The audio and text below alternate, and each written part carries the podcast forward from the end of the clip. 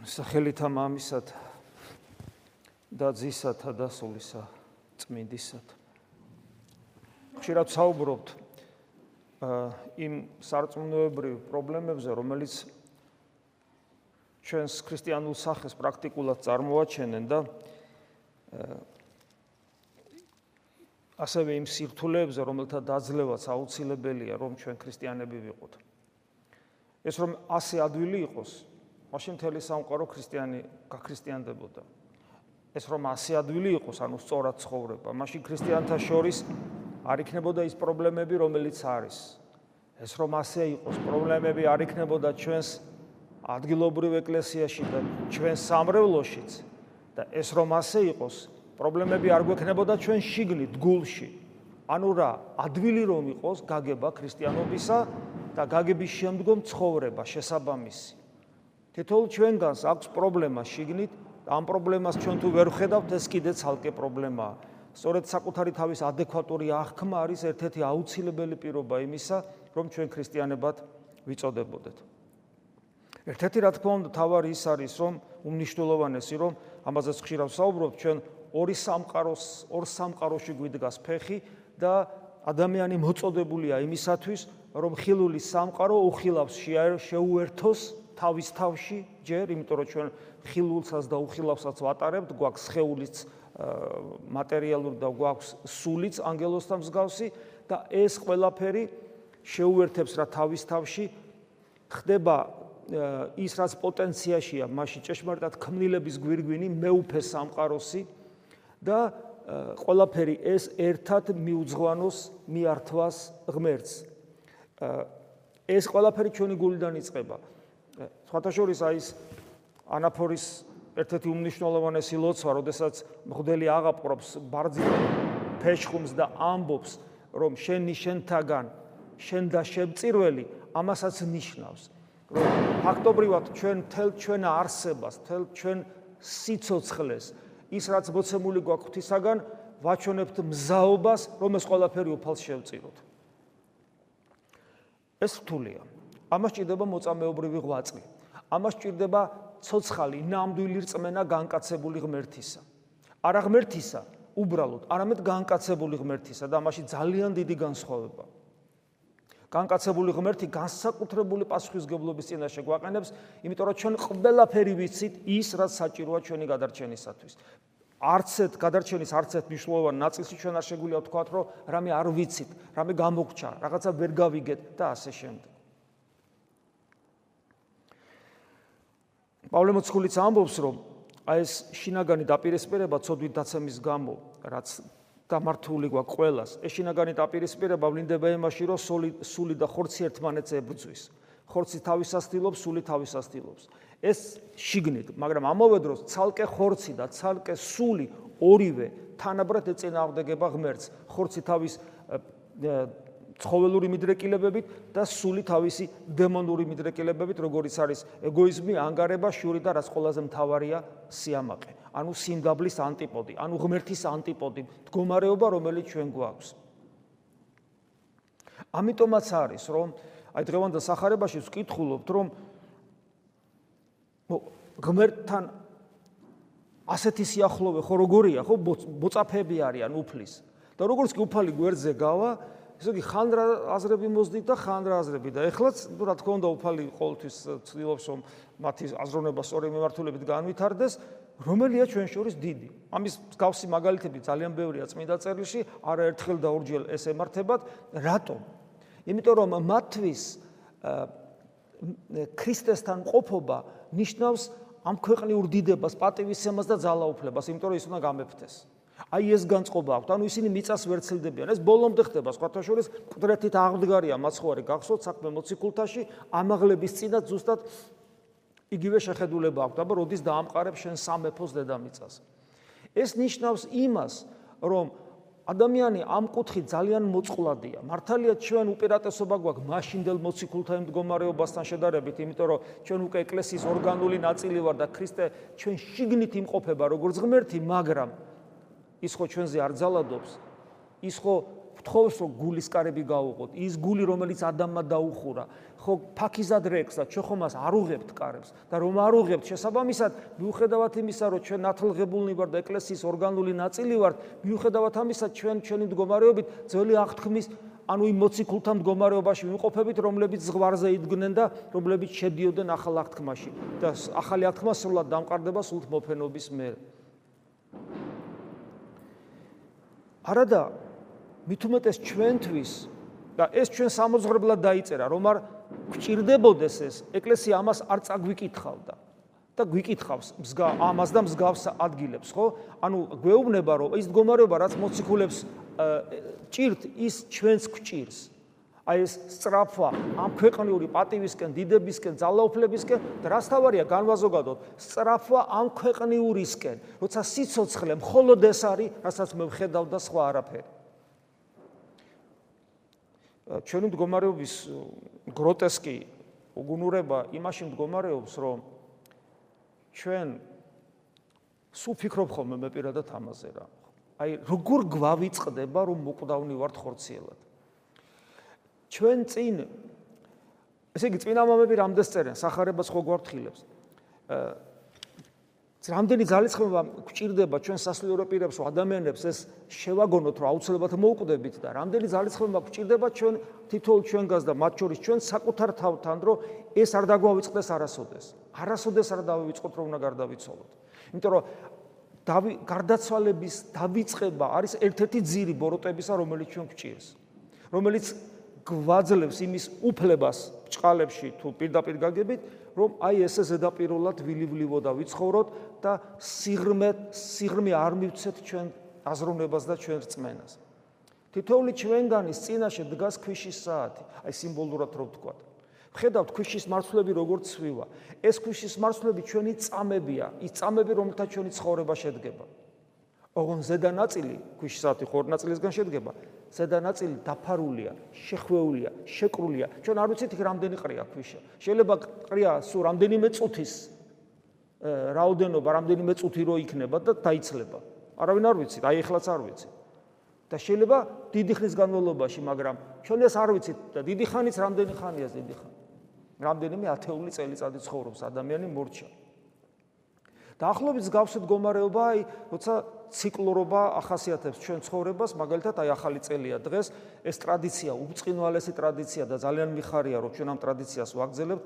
ამასინაც ცოტა სიამაყითავს თქვი, რომ თითქმის ძალიან ბევრგან არის ეს ტრადიცია დამკვიდრებული, მათ შორის რუსეთშიც და მაგრამ აი რაღაც ერთ-ერთი პიონერები თუ პირთლად პირველები არის, ერთ-ერთი პიონერები ჩვენ ვიყავით, როცა ჩვენ დავიწყეთ ახალ წელს წირვით ასე ლიტურგიით შეხვედრა ახალი წლის დადგომას ასე აღნიშნავთ და რა არის ახალი წელი? კიდევ ერთხელ შემოტრიალდა დედამიწა მზის გარშემო. ერთი წრე დაარტყა. მრავალი ჩვენგანი აქ მდგომარენი რამდენიმე ათეული წელიწადია დედამიწას დგავარ და მოგზაურობთ. მზის გარშემო. კიდევ ერთი წელი ვიმოგზაურებ მზის გარშემო. ჩვენ აუცილებლად მოგვიწევს ჩამოსვლა. ეს ქუში საათის არ იყოს. ერთ-ერთ ბრუნზე ჩვენ აუცილებლად ჩამოვალთ. ეს გარდაუვალია, ყველა შემთხვევაში მოხდება ესე. და რადგან ეს გარდაუვალია, რადგან ეს ყველა შემთხვევაში ასე მოხდება და თან არ ვიცით როდის მოხდება. რა თქმა უნდა ლოგიკურია, გონივრულია, ბრძნულია და ნამდვილია ის რომ ვიცოდე რომ ის რაც ამ ქვეყნიურია, მათ შორის ამ ქვეყნიური სიцоცხლე, თავისი ყველაფერი სიკეთეებით და მათ შორის პატივით არის დროებით. და ამიტომაც და მიზეზი იმისა, რომ ადამიანი ამას ვერ წდება და ვერ ვერ ვერ ვერ ვერ ცილდება და აქ არის ამ ამ ღირებულებებს არის ჩაფრენილი, სწორედ ის სიამაყეა, რომელიც ადამიანს კეტავს და ჩაკეტილ სისტემათ აქცევს და არ აძლევს საშუალებას ღმერთს მასში შევიდეს.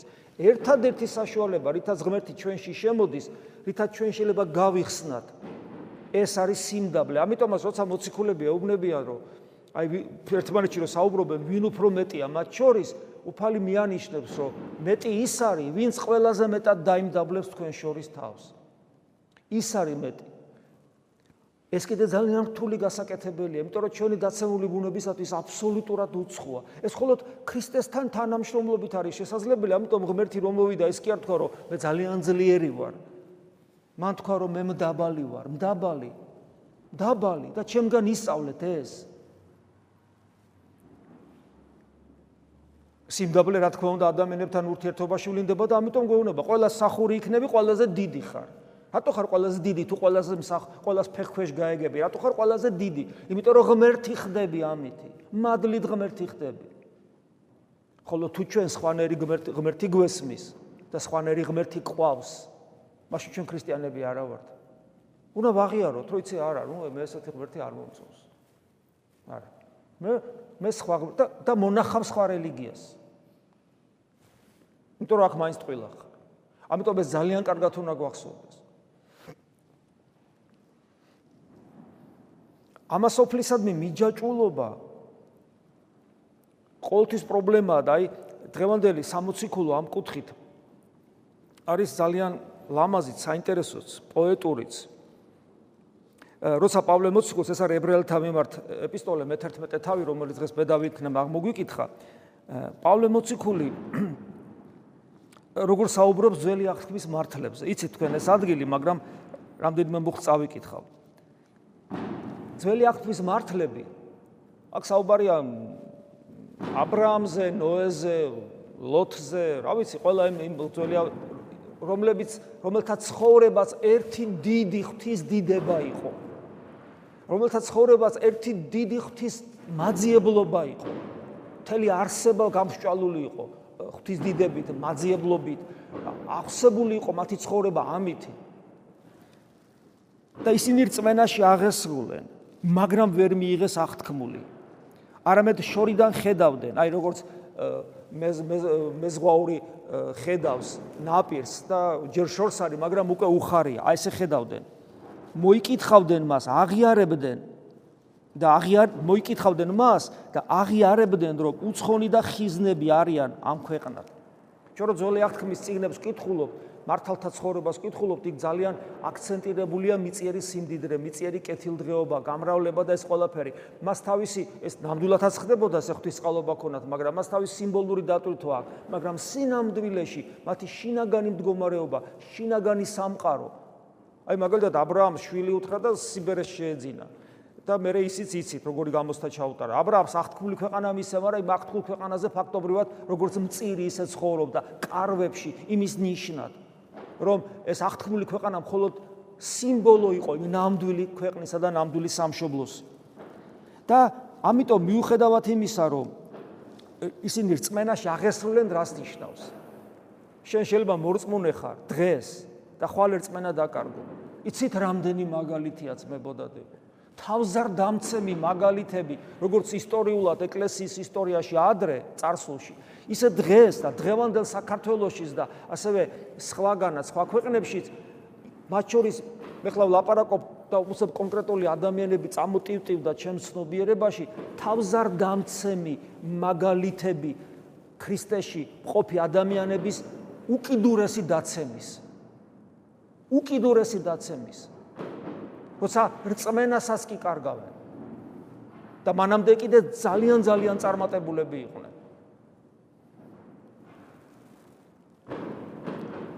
ამიტომ ძალიან დიდი მნიშვნელობა აქვს როგორ დავამთავრებთ ჩვენ ცხოვრებას.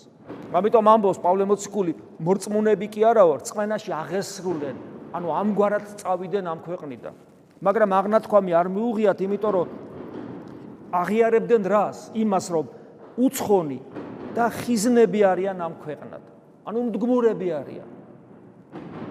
არ შეენივთენდენ, არ შეეთვისდნენ ამ ამ სამყაროს. მათთვის სიцоცხლე სხვა ღირებულება, ვიდრე აქაური კეთილდღეობა. და ნახეთ მე რა საოცარ ამეს ამბობს. ასე მეტყველნი ისინი ცხადყოფდნენ რომ სამშობლოს ეძებდნენ. მე ვყვირი, იმიტომ რომ გადავფარო ეს გარეთ ცასრო ესრიან ეს.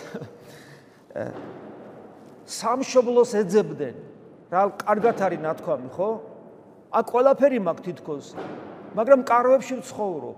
სამშობლოს ვეძებ. კარავი სიმბოლოა. ყველაფერი აქაური სიმდიდრე სიმბოლოა. ღვთის ჩემდამი მოწყალებისა მაგრამ ეს ჩემთვის არაფერს ნიშნავს. სამშობლოს ვეძებ. რას ეძებ? სამშობლოს და მე ხას უსვავს, იმიტომ რომ ხო შეიძლება მე ვკითხულობდე და რა სამშობლოს აღქმილ ქვეყანას, რომელიც სადღაც მიწაზია. და ნახეთ ის სამშობლო რო მიწერი სამშობლო რო ყოფილიყო, საიდანაც გამოვიდნენ, მოასწრებდნო იქ დაბრუნებას. იგივე ებრაელები უკან დაბრუნდებოდნენ და ამ შემდეგ. მიწერ სამშობლოზე არ ვსაუბრობ, პავლე მოციქული ამბობს. მაგრამ ისინი არა მიწიერს, არამედ უკეთეს ზეციური სამშობლოსკენ ილტოდნენ. ამიტომ და ეს აი ზეციური სამშობლოსკენ ილტოლვა მათი ცხოვრების იმდენად ისეთი ძლავრი მოცემულობა იყო ცხოვრების საზრისი, რომ ყველაფერს წირავდნენ ამას, აბსოლუტურად ყველაფერს. ჩვენთვის ეს ძალიან მნიშვნელოვანია, იმიტომ რომ კიდევ ვიმეორებ, ჩვენ აი ეს ორი ორი ორი სამყაროში რო გვიდგას ფეხი რო ზეცის მოქალაქეობისთვის მოწოდებულნი ვართ, მაგრამ მიწის მოქალაქეები რო ვართ აქ, რომ სიცოცხლე ქრისტეროა ამას რომ ვერ გძნობთ, გძნობთ ამას, რომ ეს არის სიცოცხლე. შესაბამისად ვივიწყებთ მიზანმიმართულად, ვივიწყებთ გარდაცვალებას, იმიტომ რომ გვეშინია სიცოცხლის დაკარგვის, იმიტომ რომ ჩვენ სხვა სიცოცხლეს გარდა ამისა არ ვიცნობ. აი ეს ყველაფერი წერია იმიტომ რომ ჩვენ გამოვხიზლდეთ ერთხელ და სამუდამოდ და ჩვენი ქრისტიანობის აქტუალიზება მოხდეს ნამდვილად ჩემში, რომ ჩემში ქრისტეა, რადგან ჩემში ღმერთია, მე არ შეიძლება რომ მე მას ვერ არ გძნობდე და ყველაფერი უნდა გავაკეთო იმისათვის, რომ ის ჩემთვის ნამდვილ სიცოცხლედ გადაიქცეს და არა უბრალოდ რაღაცა სოფხედელობა იყოს. და აი ეს ლტოლვა ნამდვილი სამშობლოსკენ მუდმივი პროცესი უნდა იყოს ჩემში, ოღონ იმ ძველი აღთქმის მართლებისაგან განსხვავები რომელიც რომელთათვისაც ზეციური სამშობლოს ძიება იყო მიწაზე სიარული და აღთქმული ქვეყანა და გადასახლება, გადმოსახლება, შიმშილი მერე დაპურება და ამ შემდეგ ჩვენთვის ქრისტიანთათვის საქმე გაცილებით იოლადა და ჩვენ ეს გზა ფიზიკურად გასავლელი არ აგვაქვს. ჩვენ ეს გზა, ჩვენ ეს გზა ჩვენთვის გულშია გასავლელი. იმიტომ რომ ის გზაც ქრისტეა და ქრისტე ჩვენშია. სიცოცხლეც ქრისტეა, რომელიც ჩვენშია. სასუფეველიც ქრისტეა, რომელიც ჩვენშია. ის სამშობლოც ქრისტეა, რომელიც ჩვენშია და ის გზაც ქრისტეა, რომელიც ასევე ჩვენშია. ამიტომ ჩვენ როცა საუბრობ ლოცვის სწორ ფორმებზე, ისიქასტურ პრაქტიკაზე, საკუთარ თავში ჩაღმავებაზე. სწორედ ეს ძიება სამშობლოს. და ისიქასტური პრაქტიკა გვეხმარება, რომ გარე სამყარო გავთიშოთ, ჩავაბნელოთ. ჩვენ მოვექცეთ ერთ წერტილში და მხოლოდ ის დავტოვოთ და ჩვენი თავი ვაიძულოთ, რომ მხოლოდ ის ეძებოს. ის ის კეთილი ნაწილი, რომელიც მარიამმა გამოირჩია, რომელიც არასოდეს არ წაგვერთმევა, იმიტომ რომ ის მარადისობაში გაყვება და გაგვიყვანს.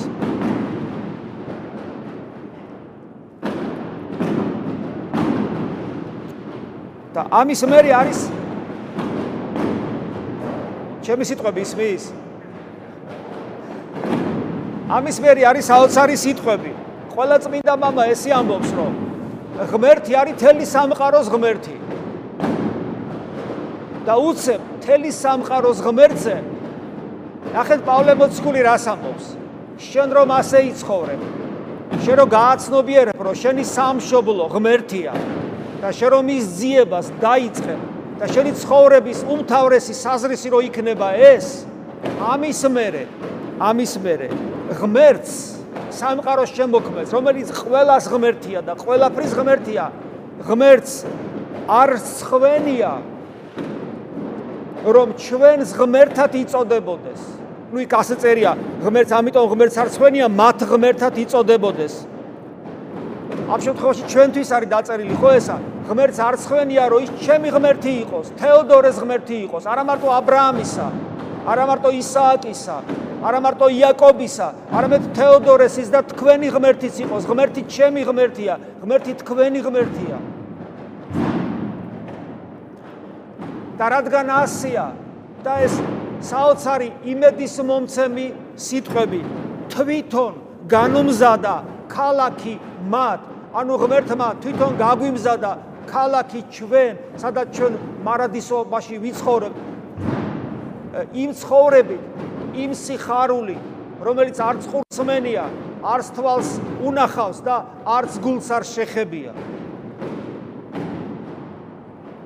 აი ამ განწყობით ამ სიხარულით ამ ბედნიერების წინა გემოსხილვით უნდა დავიწყოთ არა მარტო ახალი წელი არამედ ყოველი დილა ყოველი ღამე ყოველი წამი ამით უნდა იყოს აღსებული და ვიყოთ მაგალითი დანარჩენი საქართველოსათვის რომლებიც ახლა ისვრიან ღმერთმა სიხარული და ბედნიერება მისცეთ მაგრამ ჩვენ უნდა ვაჩვენოთ ნამდვილი სიხარული ნამდვილი ბედნიერება იმ ჭეშმარიტი ხელთუქმნელი ქალაქის ძიება, რომლისაკენ სავალი გზა ჩვენს გულშია, რომელ გზასაც იესო ქრისტე ქვია. ამინ. მადლი უფლისა ჩვენისა იესო ქრისტესი და სიყვარული ღვთისა და მამისა და ზიარება სულისა წმიდისა იყოს თქვენ ყოველთა თანა. ამინ.